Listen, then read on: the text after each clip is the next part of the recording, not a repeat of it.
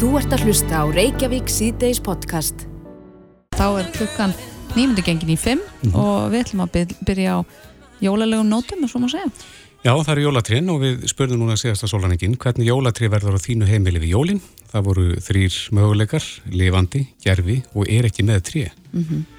Ef við byrjum bara þeim sem er ekki með tré, eh, 20,6%. Þetta kemur mér svolítið óvart, ég verði að viðkynna. Ég skaut á 10%. Já, Og mér fannst það hátt skotið, sko. Einmitt, akkurat, ég er sammálaður þar, ég hef ekki skotið á svona háatölu. Eh, 21,2% segjast vera með lifandi og 58,1% gerfi, þannig að það er augljóst að gerfi trén hafa vinningin Er ekki með eini bara í raun? til að dansa í kringum. Já, Nei, kannski Ég- lítið um það í dag. ég, ég held að það finnist bara ekki í dag Nei, á neinum jólaskemmtunum. Nei. Nei, ég held ekki. Nei.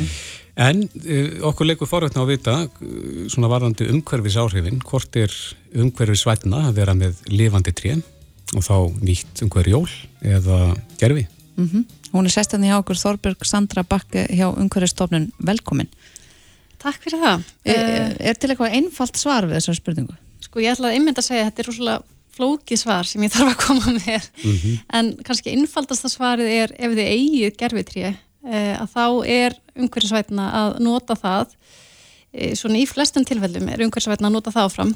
En svo er nú líka alveg hægt að taka þetta hérna, lengra og verða ennþá umhverfisvætni og, og, og hafa jákvæð umhverfisáhrif af jólatrínu sínu með því að hafa það hreinlega alveg lifandi og í potti og fara svo gróðusetja það hérna um vorið Og taka þessi hann upp aftur og næstu.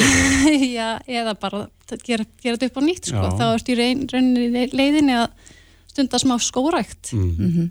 En hvað, ef við tölum svona kólefnisfótspor gerfi uh, jólatrés, hvað, getum að tala um að taki x mörg ár fyrir, fyrir því að kólefnis jafna þig með gerfi jólatrés? Já, akkurat, sko, þetta er náttúrulega rosalega misjæmt bara eftir, í, eftir framleiðslu og það er ekkit eitt svar við þessu en svona það sem við höfum séð að það tekur alveg marga tugi ára í raun að nota tríð nógu oft þess að það verði, þú veist, umhverfisvætna heldur en að, kaupa e, tríð um, svona lifandi tríð en, en sko en það aftur, þá er þetta svo flókið. Hvað er maður að bera saman við, af því það getur líka alveg verið umhverfisvænt að ef þú ert að kaupa e, íslenskt tré úr skórækt sem var hérna sótt í grísjun, eitthvað sem þurft að taka sko. Mm. þannig að hérna, eins og ég segi, þetta er ekki, þetta er ekki alveg einfalt, en, en ef þið eigið gerfitré sem augljóslega mjög margir eiga með þessar niðurstöður sem að þið nefnið þá er um að gera að nota þau áfram sko.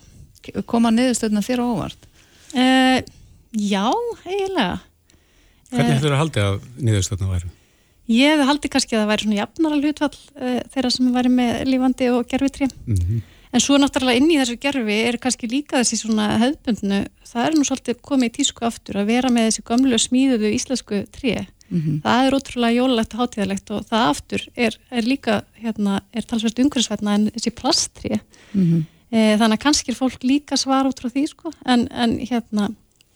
En, Þannig að það er sko óumhverfisvænt að fá sér nýtt gerfitri á hverju ári.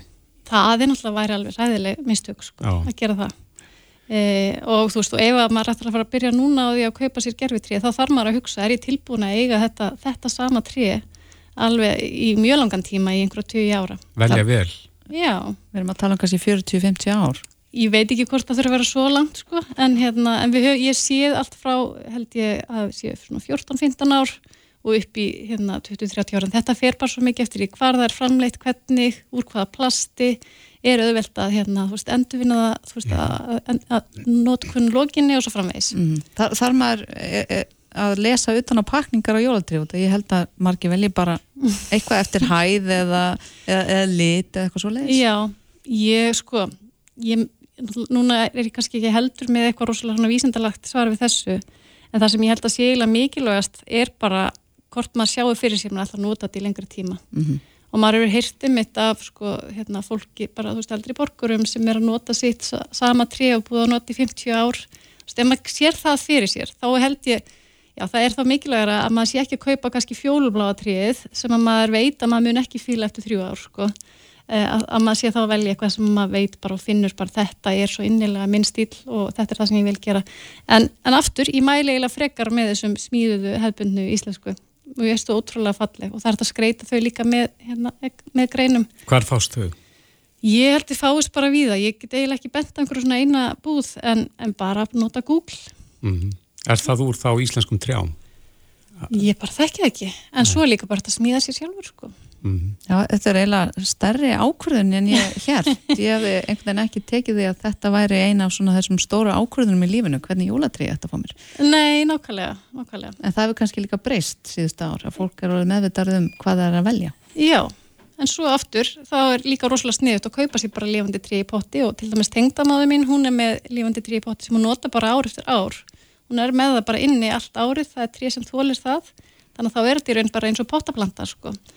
Er það stórt? Nei, það er ekki vist stort. Nei. Nei. En það þarf, þeir sem eru núna eh, að velta þessum málum fyrir sér, þeir þurfa þá að velja tríði vel og nota það þá um ókomin ár. Já, ef þeir ætla að fara í gerfitriðið, sko, þá er, það, hérna, þá er það alveg klárt mál að það er mikilvægt að velja vel. Anna mál, ég veit að þetta er kannski ekki alveg á þínu sérsviði en uh, kertin, Já, uh, nú er tími kertana runinu upp, umhverjus áhrifin af þeim. já, sko, það er alltaf, hérna, það, það eru til einhverjar nokkra típur af kertum og það er held ég ster, sterín og parafín kerti sem svona, er svona helsti munurinn og þá eru sterín kertin betri en parafín en það er svona örgastýrin að velja bara svansvottu kerti, ef maður er að velja sér svona kerti með lífandi ljósi.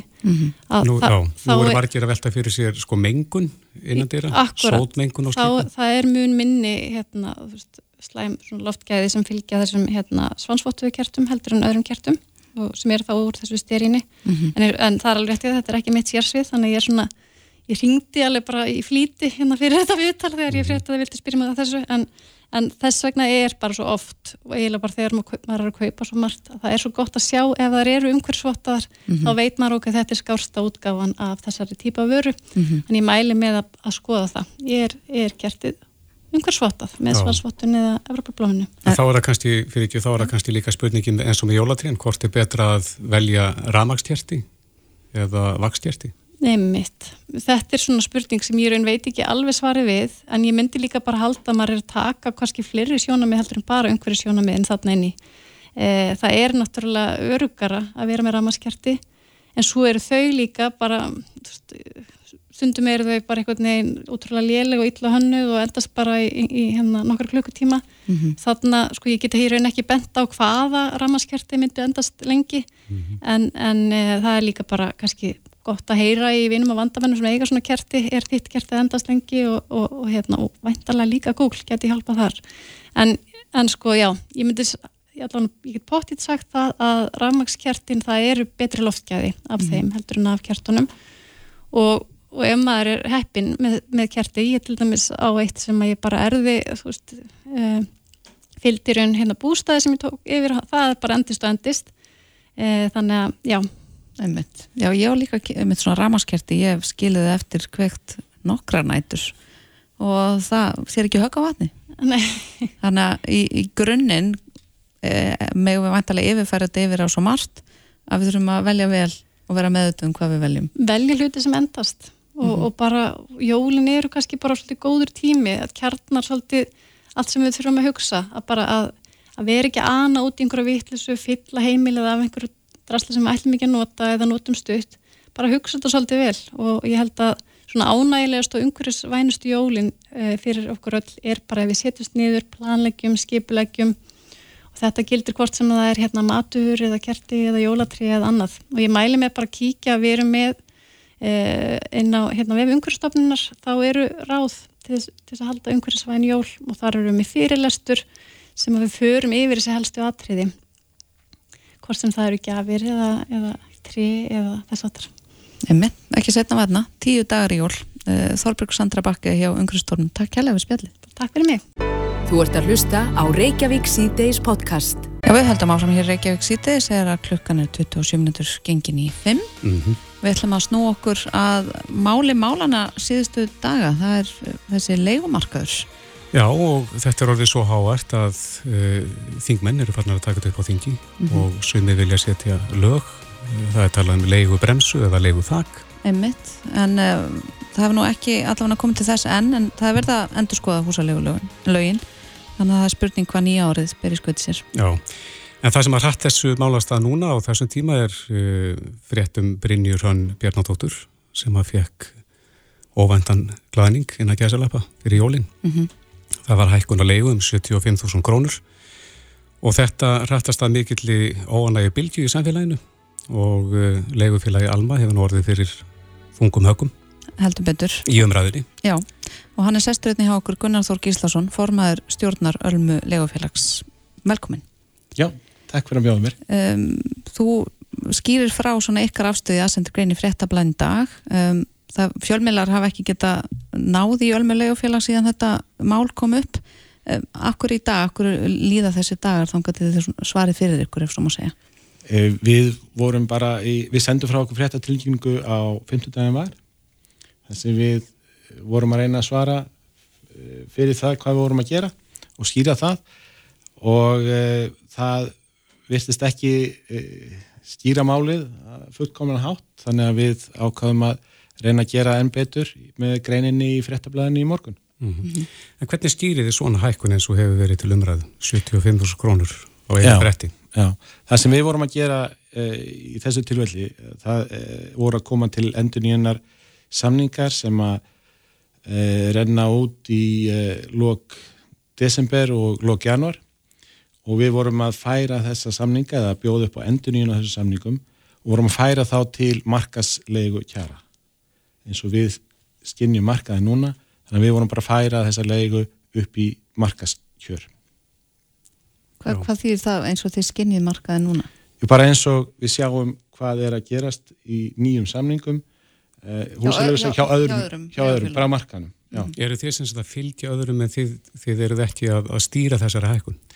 Við náttúrulega erum ekki nefn með tæplega 5% uh, hluteld í markanum. Mm -hmm. Þannig að við erum ekki verð leiðandi á þessu markaði.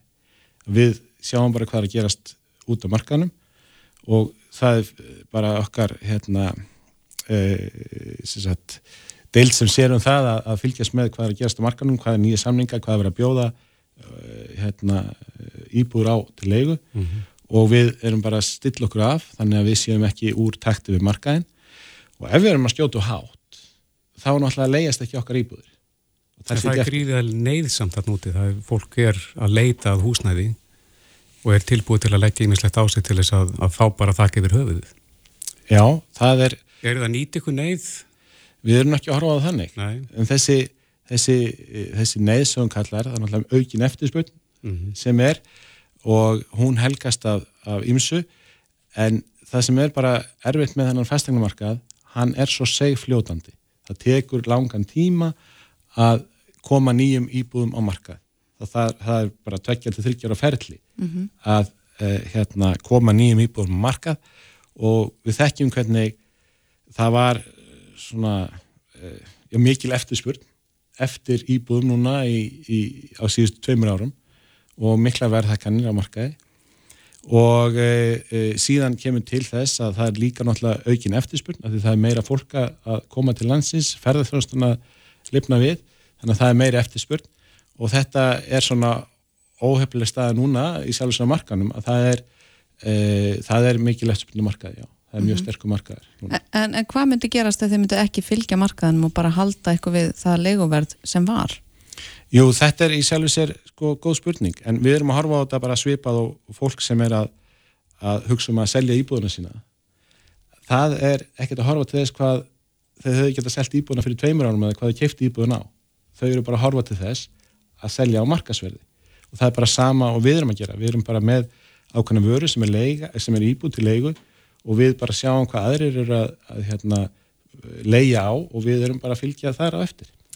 Einn spurningin er frá hlustanda. Er gamli samningurinn ekki verðtryggður? Og er ekki 9% verðbólka?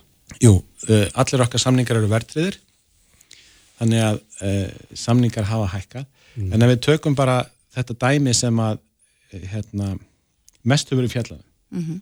og ég vil kannski taka fram að, að þessi hækkun sem kom út hjá okkur núna í lók november fyrir janúar og februar það var ekki 30% hækkun eins og þetta dæmi sem hefur verið mest í, í umfjöllun uh, heldur er það nær því að vera það er tæplega 10% meðaltalshækkunin En af hverju þessi munur á milli samninga?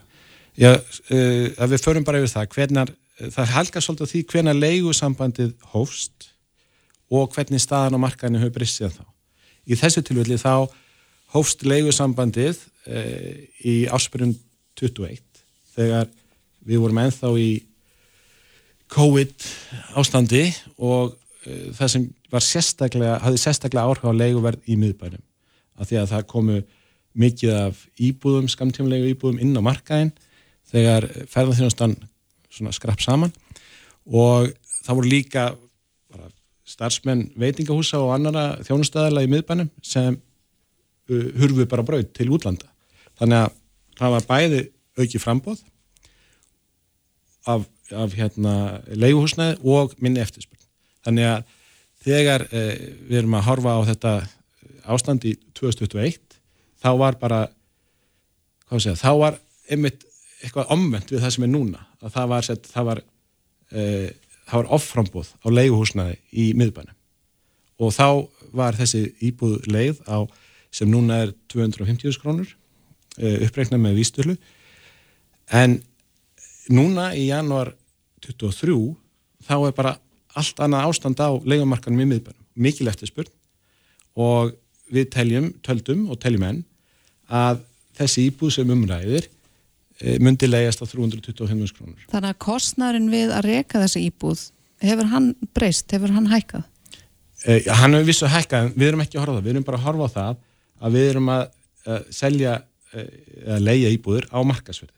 Þegar markanum var niðurdregin uh, 21, mm -hmm. þá seldum við bara á eins háverði og við gáttum leikt þá sem var miklu læra heldur núna og núna hafa markasæðstöðu breyst En voru þið þá, við... þá að tapa á, á íbúðunum í, í faraldrun? Ég sko það var allavega miklu læri það var miklu læri verð þá En var, ta var tap fyrir ykkur af íbúðunum? Það er svolítið erfitt að bara taka einu og einu íbúði sjálfur sér fyrir mm -hmm. en, en hérna ég veit að það hefur mikið verið talað um hagnað hjá Ölmu samstæðinni 2021 12 miljardar 12,4 Já. Já. Eh, en hagnaðin af, af íbúðalegu þættinum hann var miklu nær nulli. Það sem hann er, skýrir hann að hagnað er annars vegar aðrir starfstættir, við erum að leiða atunhúsnaði, við erum að leiða, nefnum við erum að fjárhast í hlutabrjöfum, en svo erum við líka með þarna reiknaðastærð sem er matsbreyting eh, eh, fjárhastningafastegna og það er svona svipaða liður og þegar eh, fastegnumatið hækkar hjá okkur á íbúðum okkar það getur verið að okkur líði vel með það en við getum ekkert fara út í búð og kæft humar og kvítvinn fyrir þessa hækkun á fæstunamöndinu eina sem gerist er það að við borgum herri fæstunangjöld nei árið eftir. Og þetta er svona Þannig að að mæta því? Eh, Nei, við erum ekki að mæta kostnarhækkunum, við erum að horfa á markasverð mm -hmm. og við erum að leia markasverði eh, hvort sem það er niðurdreiði markaður eða, eh, eða útblási markaður. Og það er bara ekkert annað sem við getum gert, við vinnum á markaði og við verðum að fylgja markasverðum. En fólki er misbóðið yfir þessum hækkunum og nú er verið að kalla eftir aðgjörum á þingi meðal hans talað um leigu þak og leigu bremsur. Hvernig hljómar það í þínum erum? E, við erum alltaf... Það er sett bönd á, á þennan markað. Það hefur uh, ekki virkað vel ellendis og það sem til lengri tíma það sem leigu bremsa og leigu þak gera eru að þau draga úr frambóði á markanum og gera ástandið í sjálfsögur en það vera fyrir, þú veist, það myndast bara byðraðir í staðin fyrir að verða hekki þá myndi að spyrja eh, og hugsalega klíkuskapur hugsalega fer hluta lögustasseminni yfir, yfir í svarta lögustassemmi eh, en í, í alla staði þá minkar það myndi leigu þak, leigu bremsa myndi minka frambóð á leigu íbúðum til lengur tíma lítið. Þannig að við heldum að það sé ekki lausnum. Það hljóma samt svolítið eins og áttandi er í dag, það er lítið frambóð og það eru byrjaðir þannig að ég skil ekki munin sko Nei, ég held að lausnin á þessu sé að auka frambúða leifusnæði mm -hmm. og það gerum við með að byggja meira. Við höfum verið að auka frambúði núna síðusta árið. Við höfum bætt við eh, 100 leifu íbúðum við höfum land. Þannig að við erum, erum að reyna að vera hlut af lausninni um, og við gerum þannig með að bæta við leifu íbúðum. En spjótin standa svolítið að þínu, þínu fyrirtækjum. Það er að segja að það er hvað til þess að sniðganga vörur frá samstæðinni? Hvernig leggst það í þig? Það, okkur líður mjög illa með það og, og hérna, fólkinu sem vinnur í þessum fyrirtingum líður líka mjög illa með það. Okkur finnst það að vera, okkur finnst það ekki réttlætilegt og við höfum ekki séð uh, að neytundur hafi, við höfum ekki mert það að neytundur hafi tekið undir það, þau ákvöld. Mm -hmm. Finnir það ekki í ykkar tölum? Við sjáum það ekki í sölutölum. En varðandi hana Brynni Bjarnadóttur sem steg fram með, með þetta mál sem búið að vera hvað mest í fréttum um, hvernig líður ykkur með að sjá þessar fréttir og frásögn hennar? Já, þetta að sjálfsögur heifi við okkur. Og þessi umræða við, við, náttúrulega, við erum ekki í einhverju sko kúlu. Við, við skinnjum umræðana, við fylgjumst með henni og uh, við höfum bröðust við. Við höfum breytt verklagsreglum hjá okkur til að reyna að koma í vekk fyrir að svona gerist aftur. Og e, e, við vonum að, að hérna, e, við getum verið kannski aðeins mýgri í framtíðinni í staðin fyrir kannski verið að horfa bara á við höfum kannski verið ofmiklir Excel-nördar og horfa bara á Excel-líkanið en við erum að reyna að hérna, verða betra fólk. Þannig að verklagsreglum hefur verið breytt í kjölfar þessara frásagnar. Já, já. Mm -hmm. við höfum og við getum bara, við höfum, við höfum ákveð að við munum hafa þráttur að við, segjum að þráttur að við sjáum að, að markaslegan sé eins og í þessu tilvilli 325.000 að þá munum við takmarka hækkun uh, við hverja enduníun við 49.000 krónur. Uh, og við munum vera uh, hérna, veita fólki auki svirum til að fara á önnur mið og við munum eh, hérna bara reyna að sína meiri sveinleika og kannski um, já um, vera minni nördar mm -hmm. Einn spurning hérna í lókin frá hlustandan sem að spyr er ekki ljósta félagið sem ætlar að uh, vera með stutta verðtriðarsamninga og mun áallt sækja hæsta markasverðið á eftir að vera í viðskjötu við fólk á leigu markastjörum er það ekki með því að, að hafa slíkt fyrirkomulega þá er fólki hend á göduna reglulega? Eh, nefn, það sem ég er að segja, það sem við, hérna, við höfum nú ekki, hérna, við höfum alltaf sínt sveiginleika þegar fólk er í vandraðum og finnur sér ekki annað húsnæði mm -hmm. upp á þessu marki og við erum að formfesta það með þessu nýju verklagsreglum að við ætlum að gefa fólki þá sveirum umfram þann tíma sem það hefur frá því að það fær tilkynningu um breytingu á leguverði og þá ætla samningurinn úti þá munum við veita auki svirum til að finna sér aðra húsnæðislaust uh, umfram þennan endalega leigutíma sem að leigan þeirra rennur út. Já. Já, við verðum að setja punktinn hér. Eh, Gunnar Þór Gíslason, stjórnaformaður Ölmu, leigufélags. Kæra þætti fyrir komuna. Takk. Þetta er Reykjavík C-Days podcast. Jæja, þau eru mörg hittamálinn í samfélagin í dag. Eh, við erum búin að ágreða þau nokkur í, í fráfjögur. Jú, en svo er þarna þetta ómænta hittamál mm -hmm. sem tengist jóladatali ríkisútarsins. Já, maður hefur svona lesið sér til um það á netinu, á samfélagsmiðlum að sögumir kalla þetta pólitíska innrætingu eh, hjá börnunum. Mm -hmm. En uh, þetta snýrað útlendingastofnum. Já, uh, útlendingastofnun hefur opnað sérstakann undirvef á mm sinni heimasíðu til þess að fara yfir efni þáttajóladagartalsins þar sem maður getur þá tekið vantala samtali við börnir um hvað gerðist í hverjum þætti. Mm -hmm. En það voru fjöruður umræðum þetta á þingi. Artís Anna Kristína Dóttir Gunnarsdóttir þinguna Pírata og Bergþór Ólason þingmaður miðflóksins, skiptast á skoðunum í þinginu og veru komin hingað, velkomin. Takk, Takk fyrir það. Ef maður byrjum á þér eh, Bergþór uh, hver er þín skoðun á þessu? Er, er Ríkis sjónvarpið að fara offörum þarna í innrætingu?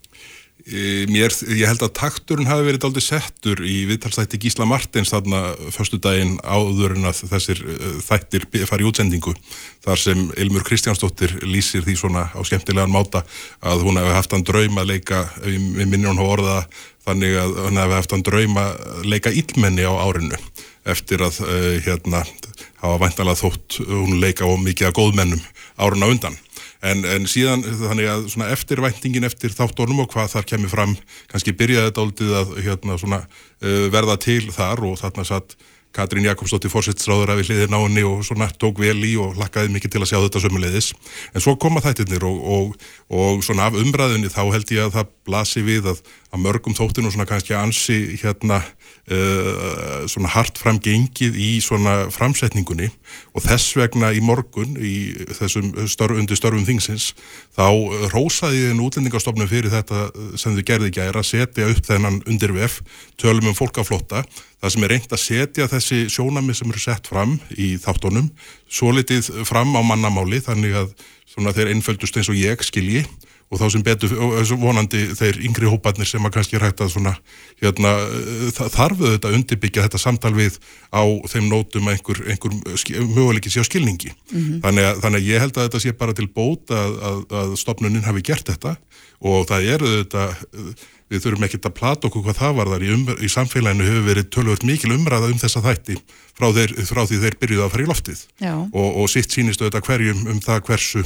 hversu svona uh, hversu harður tónin er uh, í þessum efnum og, og kannski vest hefur mér þótt uh, það sem hefur verið að mála embættismenn þeim litum að það, þar sé einhverjar grílur þegar kannski hlutverk þeirra og gjörðir snúa fyrst og fremst að því að framfylgja þeim lögum sem við á alltingi höfum sett. En þetta verið snúa samt fyrst og fremst um einn embættismann. Skiptir það málið að þannig svolítið tekið út fyrir svega einn embættismæður í æðstu stöðu hjá útlendingastofnun? Þú meina þá í því samengi að það sé í lægi eða? Nei, bara hvort að það skiptir máli að taka hópa af starfsfólki, hópa af embætismönnum mm -hmm. og, og gera grína þeim eða hvernig sem það er e, eða í þessu tilviki það sem er tekinn einn embætismann út, maður út fyrir sögja Já, ég, ég held að það sé nú svona hérna á þess að sé að leggja þá mælistyku á þetta þá er, hérna, þá er nú yfirleitt uh, erfiðar að standa setja undir ára sem einn heldur en hlut af hópi þannig að ég hugsa að sé nú fyrir það með embættismann sem lendir í þá sé, sé þetta nú kannski svona snúnari stað að vera í með þessum hætti en sé að sjáu þetta líka að í þáttónum þá er barn embættismannsins sem umræðir teknuð upp sem langleiðilegasta stúlkan í hópnum og, og þannig að sko, þetta er, er skilin eftir svona einhver leiði mér að segja ónóta tilfinning gangvært þessum maðgum. Artís, erstu samála þessari greiningu? Nei, ég er nú ekki samála þessari greiningu og það er uh, manneskjan sem skrifar þennan texta sem kemur hérna við útlendingastofnunar sem er kannski svona það sem að vekur einna mesta aðtikli mína hvað þetta varðar. Við reist ekki hafa neitt gríðarlega mikið menningalæsi gangvært börnum og því hvernig þau taka hann upplýsingar og því til dæmis glemt, ég veit svo mikið hvort að fólk er meðvitað um það að þetta efni er unnið til dæmis með það fyrir augum að það verði þýtt og verði sínt annar staðar og við vitum ekkert hvernig fórstjórar útlendingarstofnunar eru þar þannig verið að setja uh, í rauninni hugdagi vald í eitthvað samhengi, mannlegt samhengi. Og það er þannig sem börn skilja hlutina.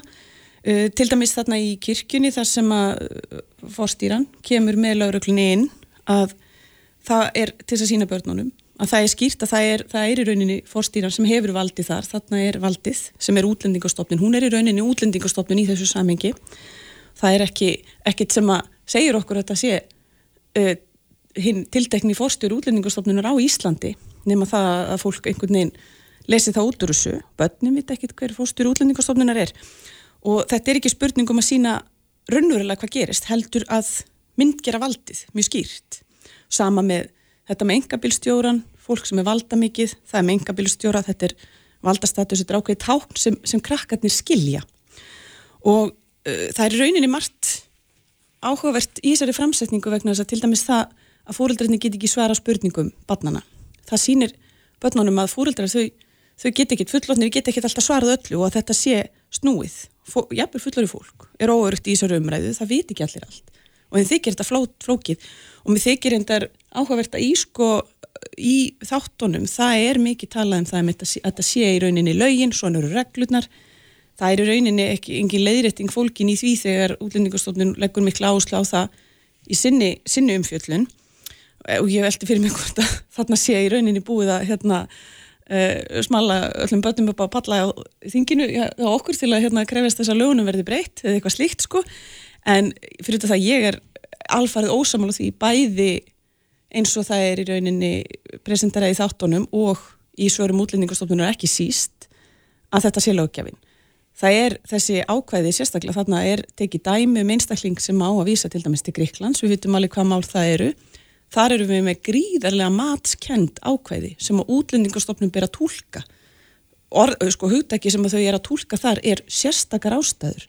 Hvort það séu sérstakar ástæður til þess að lega fólki að vera þetta ég er ekki einu svona einfalda lögin þegar ég segi þetta, þetta er það sem segir svo er hins vegar ráþurra þessara ríkistjórnar búin að útværa það í reglugerð og þrengja að margra mati langt umfram þess þann ramma sem að lögin í rauninni heimila tólkunina á þessu þannig að þetta er ekki lögjafin það er ekki lögjafin sem ber ábyrð á þessari framkvæmd og það er það sem að ég hef lagt áslá í mínu máli og ég hef marg sagt það að það þarf ekki að breyta þessum lögum til þess að breyta þessari framkvæmd. En finnst þér þá þessi vefur útlendingastofnunar um, blekkjað einhverju leiti eða hvað? Ja, bara ekki spurning, fer bara beilinus með ránt mál, með margt og ég íhugaði alveg að reynilega bara fara yfir það eins og sem maður núna, maður velu sér hérna slægina sko, en þetta er alveg skemmtileg, mér finnst þetta áhugaverð umræða og mér finnst þetta áhugaverð í rauninni áhugavert upplaup, ef svo má segja, mm. en það sýnir líka ákveðin viðhvort til lístsköpunar sem að kannski koma svolítið á óvart. Við höfum alveg séð laurugluna henni stilt upp sem skúrki í, í sjónvarsefni og öðru en lauruglan stekkur ekki upp og, og fer í einhverja vörn eða hvað þá þingböllum að sé vera að verja laurugluna og útskjara fyrir listafólki að löggan sé nú bara ekkit vond. En svo spurninga sem ég heyri svolítið frá fólki er á þetta erendi við börn? Sko, ég held að við eigum svona í öllu tilliti að nálgast mál út frá því að leifa börnum að vera börn og eh, ég, eh, það er nú ímismál sem að, svona ég hef bent á fyrir stegum að eftir kannski að fara varlega ríka okkar börnum heldur en, heldur en raunin er, lofslagsmál getur við nefnt sem eitt, eitt dæmi, en, en ég held að sko þessi teksti sem útlendingastofnun setur hérna fram, hann sé margar hluta vegna mjög góður, hann er aðgengilegur og hann er á skýru máli og hann er ekki rángur, uh, hann er ekki rángur að mínum að nei alls ekki. Og, og hérna og ég held að sko þetta er nefnilega ekki bara, ég held að þetta sé sko unglingar, jáfnvel fullorðið fólk hafi gott að því að hafa uh, geta komið, má, þessi máli er nefnilega flókin eins og Artís Anna saði hér á hann, þau eru það. Þannig að ég held að það sé margar hluta vegna gott að, að fólk geti komist í svona auðlesanlegan teksta sem að svona dregu fram þessi kjarnatriði sem um er fjallað þó að þetta sé í þessu tilviki tengt þessum þáttum þá held ég útlendingastofnun mætti að get, taka svona aðra svona yfirferð í gagvart málafloknum þá held ég í víðara samhengi. Fyrir fullorna? Já, fyrir algjörlega fyrir fullorna sko og hérna því að, því að það er auðvitað þannig að eh, sko, ég saði nú artisönnu hérna frammi þegar við fengum okkur kaffibotla fyrir þáttina því hérna að eh, ég hefði heyrt í kunninga mínum í dag sem á unglingsstúlku sem að sko kemur uh, úr einhverju samtali í skólanum þar sem að sko augljóst er að unglingarnir voru, uh, og ég lef mér að fullir það að Artísan er sammála mér út frá efnisatriðunum sem þar var rættum, bara að miskilja hvernig þetta gengur allt saman fyrir sig en, hérna, en, en, en þessi teksti virðist hafa einhvern veginn svona uh, að, að minnstakosti aðstóða þennan hóp við svona að hérna, ná að einhverjum markjötar um þetta mm. og ég held að fullornir geti haft gagnað þessum teksta sömu leiðis og, og hérna ég bara skora á alla sem er að hlusta að skella sér inn á heimasíðu útlendingastofnunar og lesa, þetta er fyrsta frétt á síðun ef ég mann rétt. Mm -hmm. En hvað finnst þér Andi sann að varandi hvort þetta er erindu börn, þá er ég tala um bara jóladagatali sem barnefni og jóladagatal ríkisútursins. Já, þar einmitt er ég hjertanlega ósamála uh, Bergþóri vanandi það að degi ekki erindi við börn og sérstaklega nefnir hann lofslagsmál. Börn fara ekki varlut af því sem er að gerast í samfélaginu og sannarlega ekki af þessum flótamanna málum við, það, börn, það voru börn sem fóru hérna í fylltu liði bara löpuðinir í bæ til þess að standa með samnefnda sínum. Þau sjá þetta gerast, þau sjá það að það verið að flytja fólk úr landi Þannig er í rauninni verið að gera tilvönd til þess að útskýra fyrir börnunum hvernig það gerist og af hverju. Mér finnst það að vera velgert þarna. Uh, það hvort að... Í, í þáttunum þá? Í þáttunum, já. Uh, ekki síst vegna að þetta er í rauninni raunsön mynd af þessu sem er það að þú ert með vald sem er að framfylgja einhvern reglum. Það megi ekki allir vera einna og ef þið megi ekki vera einna þá eru þau flutt úr landi, jafnvel þó þau vilji ekki fara. Það er þannig, þetta er þannig, það er ekki verið að búa til neitt skúrk þar það er þannig sem við höfum byggt upp okkar kerfi og þetta er náttúrulega bara leið til þess að útskýra það fyrir börnunum þannig að En maður spyr sér fyrir ekki, það sem þið eru á, á öndölu meði hér um þetta mál, er verið að reyka pólitíkan? Er þetta, þetta pólitist einslag? Hvaða pólitíki velti því fyrir mér sko. Já, ef ég má svara þessar spurningu þá þykir mér blassa við að svo sé. Rétt, og mér þykir ríkisútvarpið stundum, ég skal koma því ég skal, hér, mér þykir nei, nei, nei, nei, alls ekki, ég kem að þessu. Mér þykir ríkisútvarpið stundum með sína 8 miljardar ári. Þetta er núni í fjárlugunum sem við erum að samþykja þá eru ríkisútvarpið í fyrsta skipt að fara yfir 8 miljardar með auðlískatekjunum mér þykir ríkisútvarpið stundum svona ganga ansi glannalega um gagvart því hlutverki sínu að sína hlutleysi og þeirri skildur stofnunarinnar að leipa báðum ólíkum sjónamiðum að. Þar hef ég nefnt lofslagsmálinn ítrekkað og það eru fleiri mál sem að, sem að það reyga við en til þess að svara því sem Marti Sanna held að ég ætla ekki að svara þá er þetta pólitíkin í þessum skilabóðum sem þetta eru fram í þáttunum þau að útlendingastefnan eða útlendingalöggefin á Íslandi sé ómannúðleg sérstaklega hvart börnum.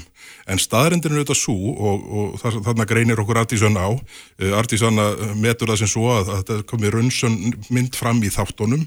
En ég held að það komi miklu raunsanari mynd fram í þessum einfalda texta sem settur í fram á vef útlendingastofnuna núna. Og það er auðvitað þannig að, að sko uh, ég, pólitíski áróðurinn já já, hann, hann liggur í þessu að það er verið að draga upp mynd sem að enginn getur breytt rumvörlega nema við sem sittum á þinginu sem er að laga rammin. Vissulega eru ákveðin atriði útfærið reglugerðum mm. og það er bara eins og er í rauninni allt og mikið gert í, í hérna, heilt yfir eh, heimildir á þeirra til reglugerðabeitingar. En, en, það eru við hérna- sammála. Já, það eru við sammála, algjörlega. En, en það breyti því ekki að sko ef að lögjöfin hefði verið sett með hérna, eða semst þessi reglugjörðar heimildir hefur verið meir að meiri markin í lögjöfinni, þá held ég að þau væru með mjög líkum hætti og nú er orðið mm -hmm. uh, hér á Íslandi. En Ardís, aðeins að þessu með pólitíkina, eru verið að reyka pólitík þarna í barnaefni? Ég er alls ekki samála því, ég held að þetta horfi svona við börnunum og í rauninni ef að maður á veltaði fyrir sér hvaða pólitísku skoðanir börn getur haft á þessu, uh, þá í rauninni hefur barn, hvað ég voru að segja, tækifæri til þess að taka afstöðu til þess hvort að því finnist þetta vera rétt eða ránt að það séu reglu sem ákveða þetta. Mm -hmm. og það er, það er kannski hinn hvað þú segja, pólitíska afstafa, eiga allir að fá búa einna eða eiga ekki allir að fá búa einna? Og ég held að börn geti haft mismöndi skoðun hvað það var þar og hvað þessum þáttum.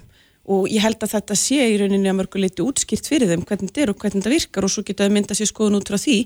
Ég held hins vegar að börn, því að það er kannski, það er kannski nær mannúðin, kannski stittra í mannúðina hjá þeim heldur en mörgum fullotnum mm. að ég held að lang flest börn eigi erfitt með að skilja það hvers vegna það megi ekki allir búa hérna. Og það er, að fara að útskýra það fyrir börnunum held ég að væri frekar pólitísk skilabóð og það er það sem að til dæmis það kemur fram í þessu uh, sværi útlendingastofnunar, það er mjög meiri pólitísk skilabóð í því að útskýra að reyna að bera saman samfélag og heimili útskýra þannig fyrir börnunum, þú hleypir ekki hverjum sem er hann á heimilið og við hleypum ekki hverjum sem er í landið okkar mm -hmm. þessi samanburður þykir mér miklu meira, meiri pólitísk skilabúð heldur en það sem er verið að fjallum hann í þessu þætti. En þetta hófst náttúrulega svolítið á því að Ásmundur Friðriksson vakti máls á þessum Gísla Martins þætti og hann kom svo sem til okkar að fóra aðeins yfir það uh, á þetta heima á alþingi, ræðum á alþingi að ræðum einstakar starfsmenn ríkisútarsins eða dagskrafgjörna þar, hvað finnst þér allir sanna? Ég ætla bara að endur taka það sem ég sæði í, í, í, upp í pontu á þingi í þessari umræðu sem að var, hvað er þingmaðurinn að leggja til? Er hann að leggja til einhverja skerðingu á listrænu frelsi, er hann að leggja til einhvers konar rittskoðun, hvað er hann að leggja til? Ég fekk svo sem engin svör við því en mér langar allir svo skjóta að fyrst að Bergþóri tókst nú að fara að ræða rúf hérna að, og, og, og það, það Ég tek borgarlínu eftir við getum verið í alla vikuna bara held ég. Að hérna, það, það er svo áhugavert að ríkis útvarp sem að sannarlega ég sammála því, það er kannski og allir fjölmjölar held ég að reyni nú að vera svona nokkuð hlutlausir. Ég held að ríkis fjölmjölar séu almennt gaggrindir fyrir það að vera að verja ríkisvaldið og stjórnvöld og þar liggi hættan í því að ríki sé að styrkja fjölmjöl þannig að mér finnst þetta alltaf svolítið skemmtileg umræð og svona skemmtilegt twist í því þegar það er verið að gaggrina ríkisútvarpið fyrir að gaggrina ríkið. Og mér finnst það bara svolítið skemmtilt, ég var að skjóta þess að. Mm. En það er ánægilegt að Artísanna verði með á mál okkar miðflóksins næst það sem við leggjum til að, að uh, frjálsa ráðstöðun útvarskjaldsins þannig að menn geti valið á skattskíslu hvers árs hvert útvarskjaldi rennur. En, en hvað finnst þér samt Bergþór um að þessi vera að ræða einstakar dagskrafgerðamenn og dagskrafgerðarúf inn á alþingi, eins og hvað myndi, ef spökstofan var ennþá við líði, var ég verið að flagga henni þingræðum? Ég held að spökstofan hafi nú helst og fremst verið skömmuð af stjórnmálamönnum og aðstofamönnum þeirra á fyrir stöðum en hérna ég held að það er nú oft svona talað um fólk í forreitindastöðum þeir sem hafa aðgaranga mikrofóni til að mynda þingmenn. Ég held að það hafi engin sterkari stöðu til þess að koma sínum álum áfram heldur en til að mynda sá sem að eh, situr að klukkutímanum á besta eh, sjómarstíma á förstaskvöldum á Íslandi eins og Gísli Martin í þessu tilviki. Vissulega getur hann ekki varið sig í pontu alþingis en ég held að það sé nú óþarfa viðkvæmni að, að það megi ekki nefna hann á nafn í, í þessu samingi. Já, við verðum að setja punktin hér. Eh, kæra þakkir fyrir komun og ræða þessi eh, viðkvæmi mál með okkur. Ardís Anna Kristína Dóttir Gunnarsdóttir, þinguna Pírata og Bergþór Ólason, þingmaður niðurflóksins. Takk, Takk fyrir komuna. Takk bóðið. Þetta er Reykjavík C-Days podcast.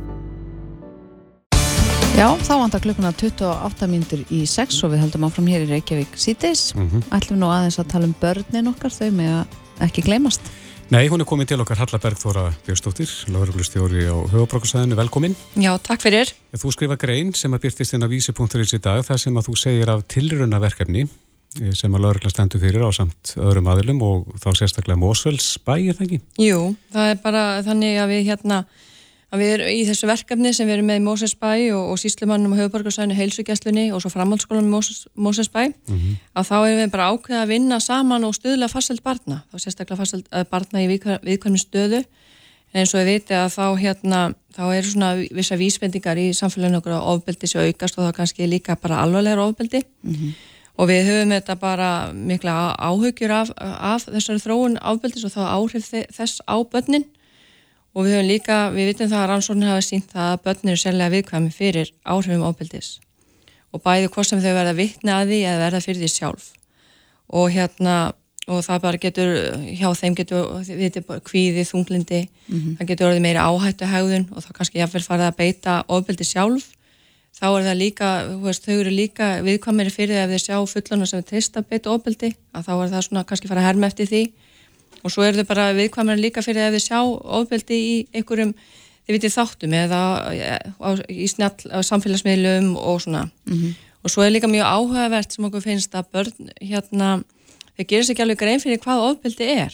Þau vitið þau hafa einhvern aðra skilgræningu en við þannig að þau viti ekki alveg hvað það er. Rannsóknar að sínt það. Þau tala eiginlega ekki bara um ofbeldi nema að sé eitthvað mjög alvarlegt. Breytt nýfum eða einhverju slíku. Mm -hmm og hérna ég held þessu rosalega mikilvægt þegar maður tala um ofbild og börn að, að börnin ger sér grein fyrir því hvað ofbild er.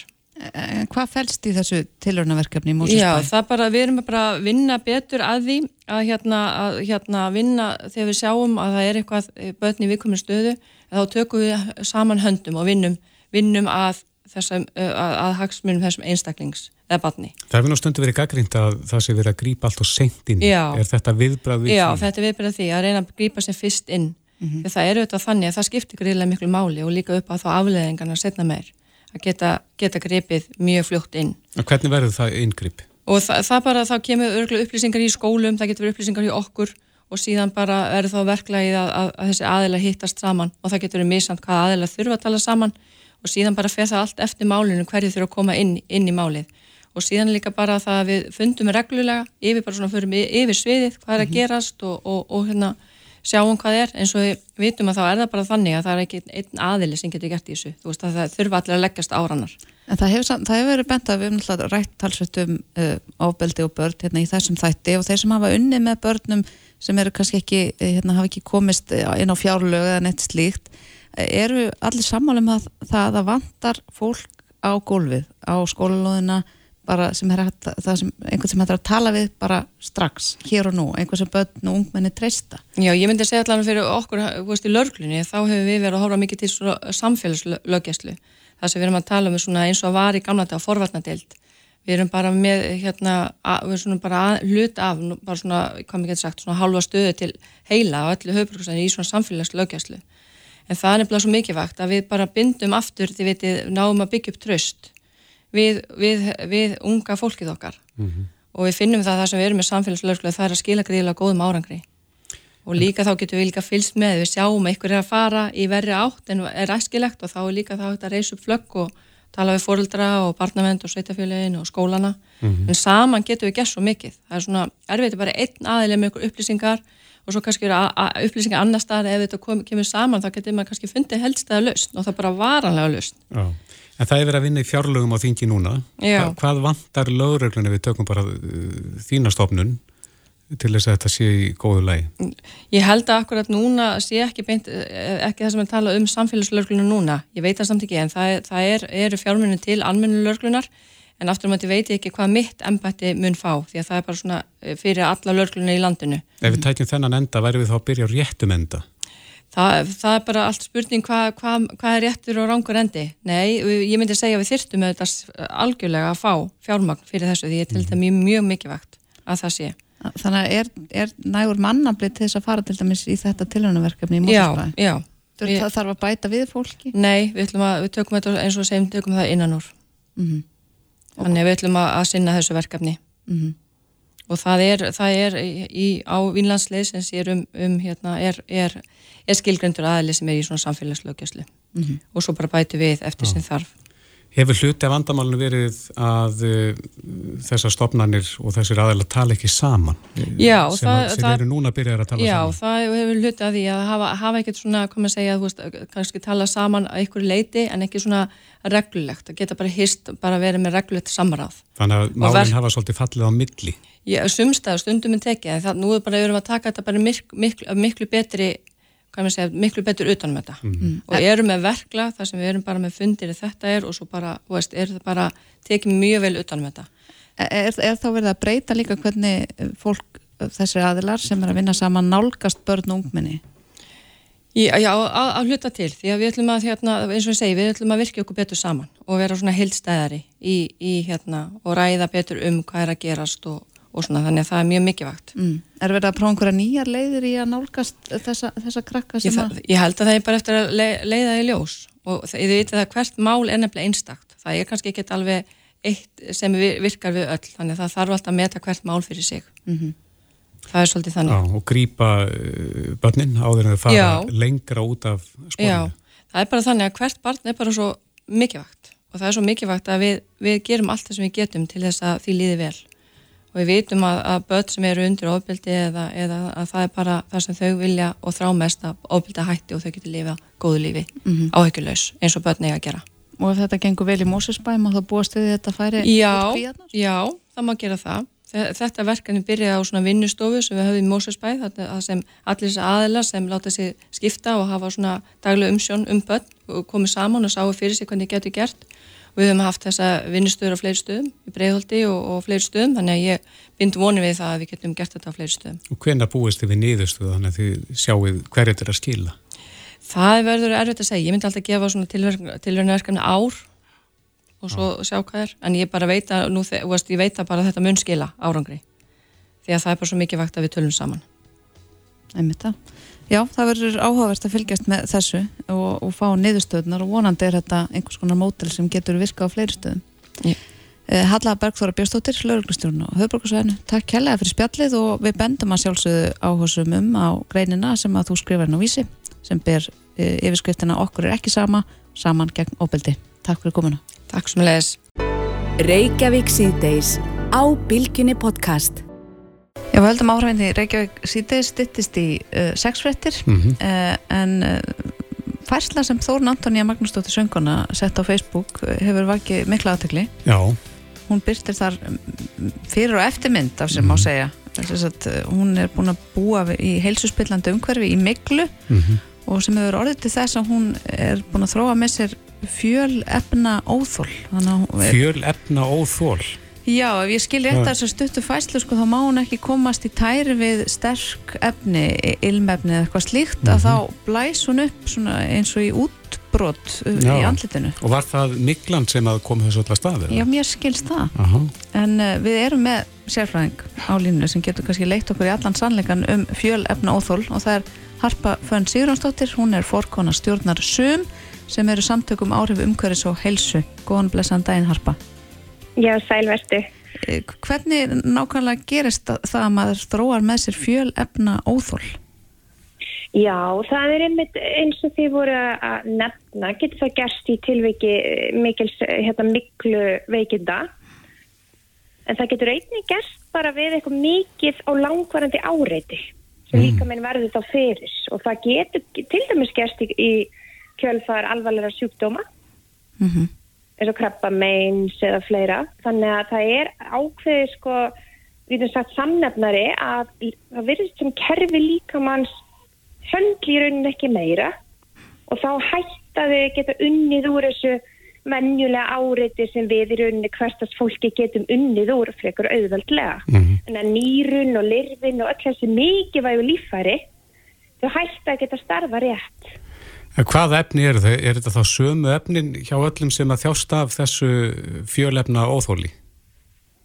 Já, þetta er í rauninni, sko, í flestum tilvikum svona, við köllum þetta kemísk efni.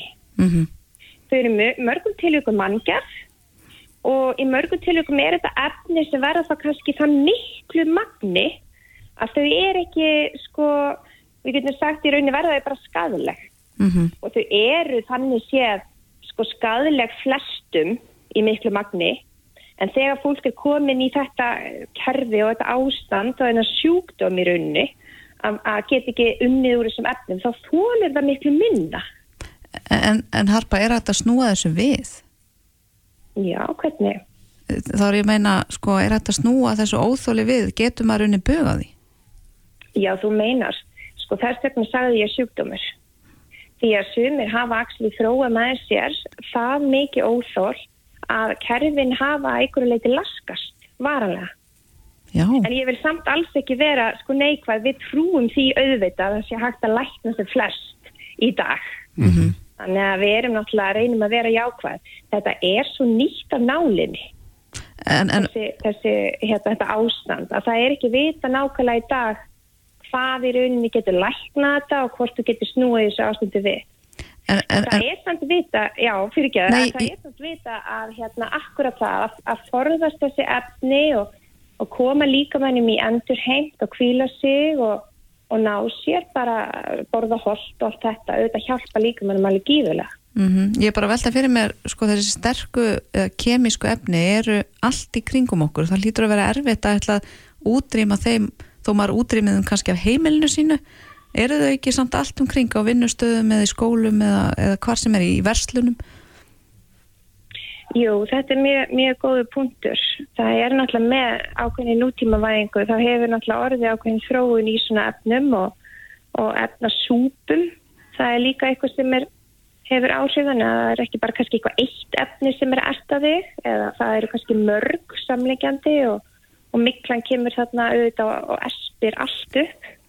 En það er samt alveg hægt að hafa lífstílsjónum á frekar heilnamann hátt og reyna einhvern veginn að takmarka þetta efna áriði og ég til dæmis er sjálf þarna í þessum sporum. Og ég lifi 100% sem sagt ilmefnalausum lífstíl. Mm og ég skal viðkenna þetta var mjög undarlegt fyrir vinni mína og fjölskyldu og alla fyrst. Ég trúi því, maður er alltaf vanur bara þessum efnum. Já. Þannig er- ert það þú- Þetta er svona koma, hægt og rólega. Fyrir ekki, ert þú sérst með fjölefna óþól? Ég er sjálf með fjölefnáþól, já. Þannig að ég þekki þetta vel og hef verið núna ilmefnalaus í að verða áratug. Mm En er það snertingin, það er að segja húðsnerting við efnin eða innöndun eða hvar, svona, hvernig kemur þetta fram? Þetta kemur bæði fram við snertingu og innendun en það er sko, náttúrulega þegar þú ert að snerta eitthvað þá getur þegið að fljóta af þér. Mm og það er kosturinn. En innöndunin er oft erfiðari svona, eh, já, að reyna að vinna bóta því. Hvernig koma einkennin fram hjá þér? Hvað, hvað gerist? Sko hjá mér er í rauninni sko ég fæ svona svipuð einkenni kannski og þórun Antoni, ég bólna mikið í, í, í öllum líkamannum bæði húðinni og líka bara í einslum og líkama og, og öxlum og fleira. En ég er mýgrinni sjúklingur í grunninn og ég fæ mýgrinni bara eiginlega alveg strax og það er svona minn trigger þannig að það er svona það þannig veit ég að ég þarf að koma mér úr aðstæðum fljótt Já, þannig að þú ert svona búin að læra á ástandið. Já, Já. Er- Svo lásum við sko annan pistil inn á vísi um mann Já. sem var að skrifa um heilsudínuna sína og hann setur heilsudínu innan gæsalappa og þar einmitt er, er hann líka að tala um þetta efnaóþól sem að hann hefur þróað með sér eða sem sumir hafa þróað með sér að sofa á heilsudínum uh, í langan tíma Einmitt. Þetta er einmitt, það eru nokkri svona, nokkra aðstæður sem geta kveikt á þessum hérna, sjúkdómi. Þetta er sjúkdómur og var skilgrindur í bandaríkjunum, hann heitir MCS, hérna, Multiple uh, Chemical Sensitivity. Mm En hérna, það er í rauninni samt talið að mikla og ívera í mikli miklu og langvarandi, það kveiki í 80% tilveka á þessum, þessum MCS sjúkdómi. Já, eru margir sem að þróa þennan sjúkdóm með sér? Það er sem betur fyrir ekki mjög algengt en það eru margir sem fá kannski einhverja næmni eða óþól mm -hmm. við vona að það sé þannig hjá, hjá þeir sem er að kljást við þetta í dag en það er að verða algengar og algengar Já, halda ofnæmislif enginunum niðri? Þau geta haldi enginunum Já, en það sem er flókið við þetta er að þetta er náttúrulega ekki hér svona hefðbundna ofnæmi heldur eru enginni út um alla líka mann, þetta er ekki bara ónæmiskerfi sem bregst við, heldur. Er þetta náttúrulega innkýrslakerfið og, mm. og það er stóðkerfi og taugakerfi fyrst og fremst? Þannig að þetta er aðeins flóktara samspil. Það hefur skapast nokkur umræðum það síðustu ára, það vanti regluverk utanum framleiðslu á ímsum efnum. Um, hefur við verið svolítið sofandi á verðinu hvað það var þar? Já, þetta er mjög góðu punktur því að það hefur oft verið þannig hjá framleiðendum að þeir komi með efnum flæða inn á markaði og einu sem þú færst í raunin að sína fram á er uh, þegar einhver aðtugar sem sagt, kemur með aðtugarsendum efni þá þarf að fara að könnuna því hvort efni getur mögulega verið skadilegt. Mm -hmm. Það sem við erum að berjast fyrir í samtökunum er að það, við þurfum að snúum þessu við. Við könnum fyrst hvort efnin séu nægilega heilnama séu ekki skadilegt áður en að flæða þeim inn á markaðin. Hvernig gengur svo bara þetta hjá ykkur? Það, það er, þetta er langslöp, við, við skulum segja það. En við höfum verið að vekja aðtikli á þessu hjá stopnunum og hennu ofinbera. Við, við vitum að það er erfitt kannski að ráðast á framlegendur og, og það er svolítið svona, hagsmunu öflin er svolítið sterk þar. Mm -hmm. En ég veit ekki hvort það hefði tekið eftir. Það eru til dæmis ilmefnalösa sápur í öllum sundlegum Reykjavíkuborgar. Já, já. Er það vegna það ykkar baráttu? Það er að hluta til, já, vegna okkar baráttu. Það er mitt. Já, þetta er aðtegli verðt og, og geta þeir sem að, að þá sem að grunar að þeir séu með þennan sjúkdóm leita sér nánar upplýsinga eitthvað staður?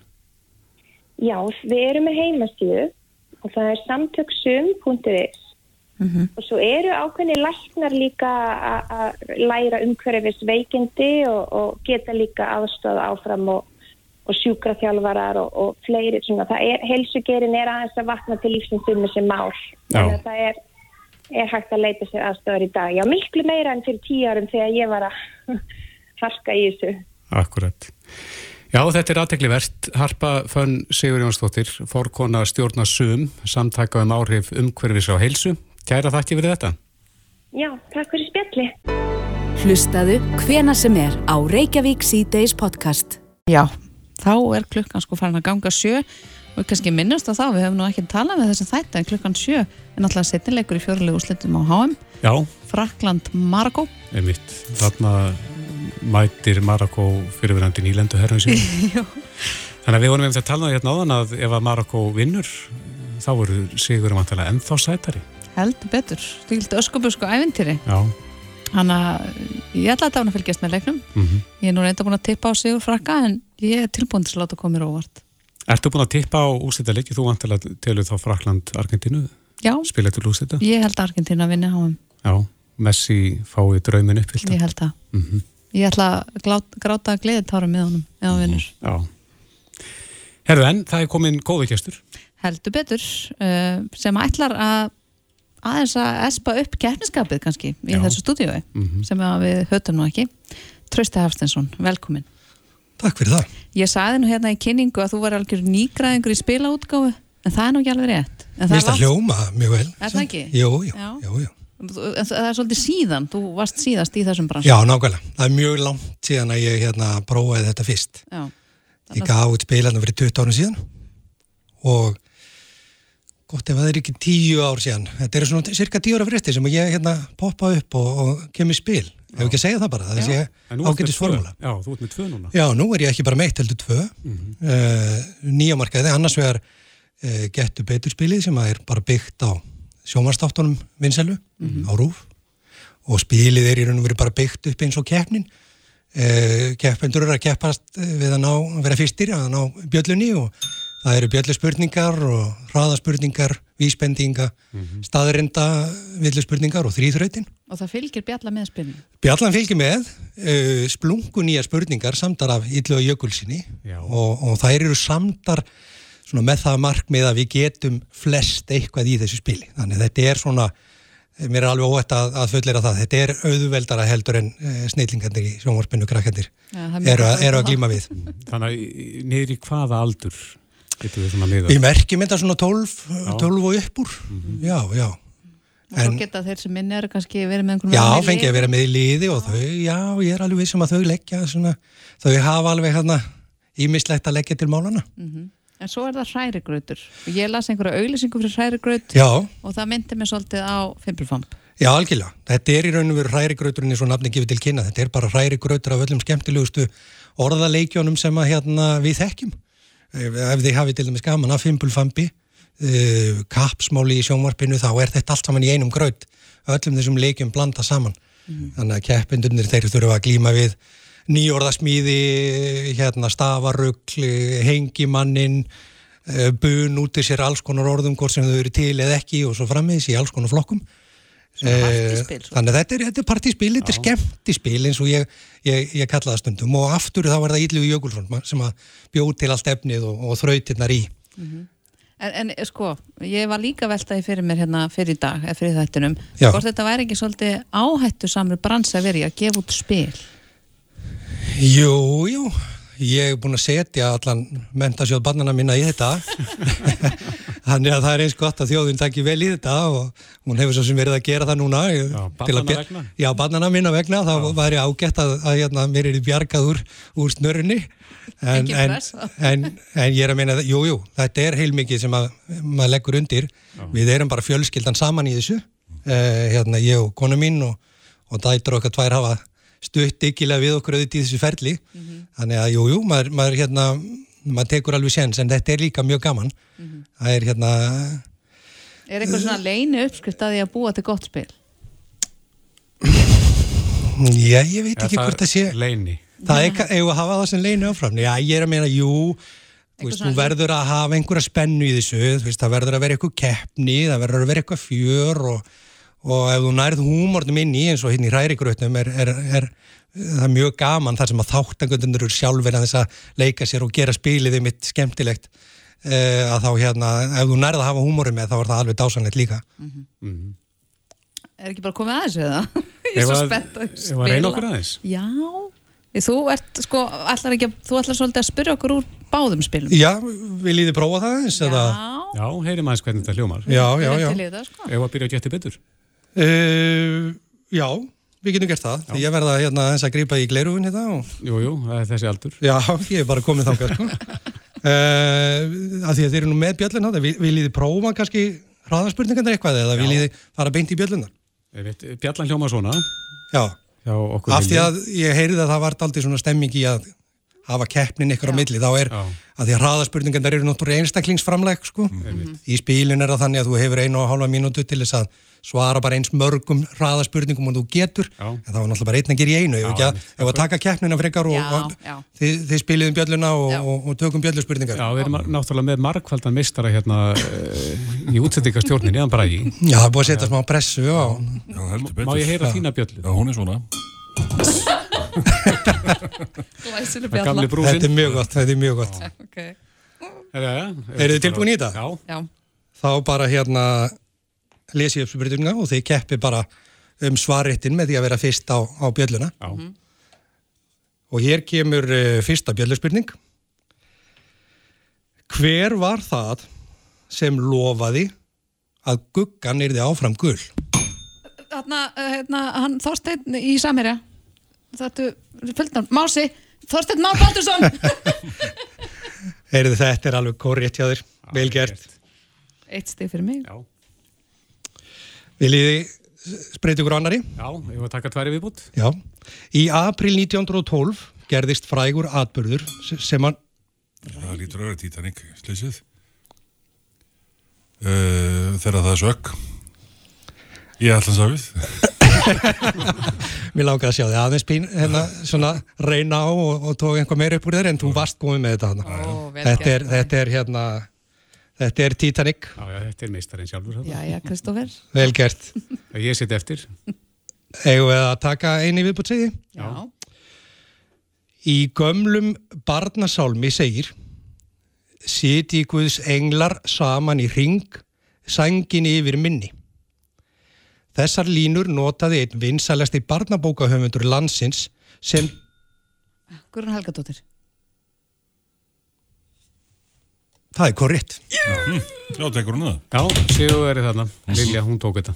Er, er þið bara sláttir? Já, er það ekki? Já, Jú, jú, er það ekki? Þetta er bara... Þetta er bara komið. Vil, viljið þið prófa að spreyti ykkur hérna á Já, heyra hvernig það hljómar. her, herlítið? Er það hrærigrautur?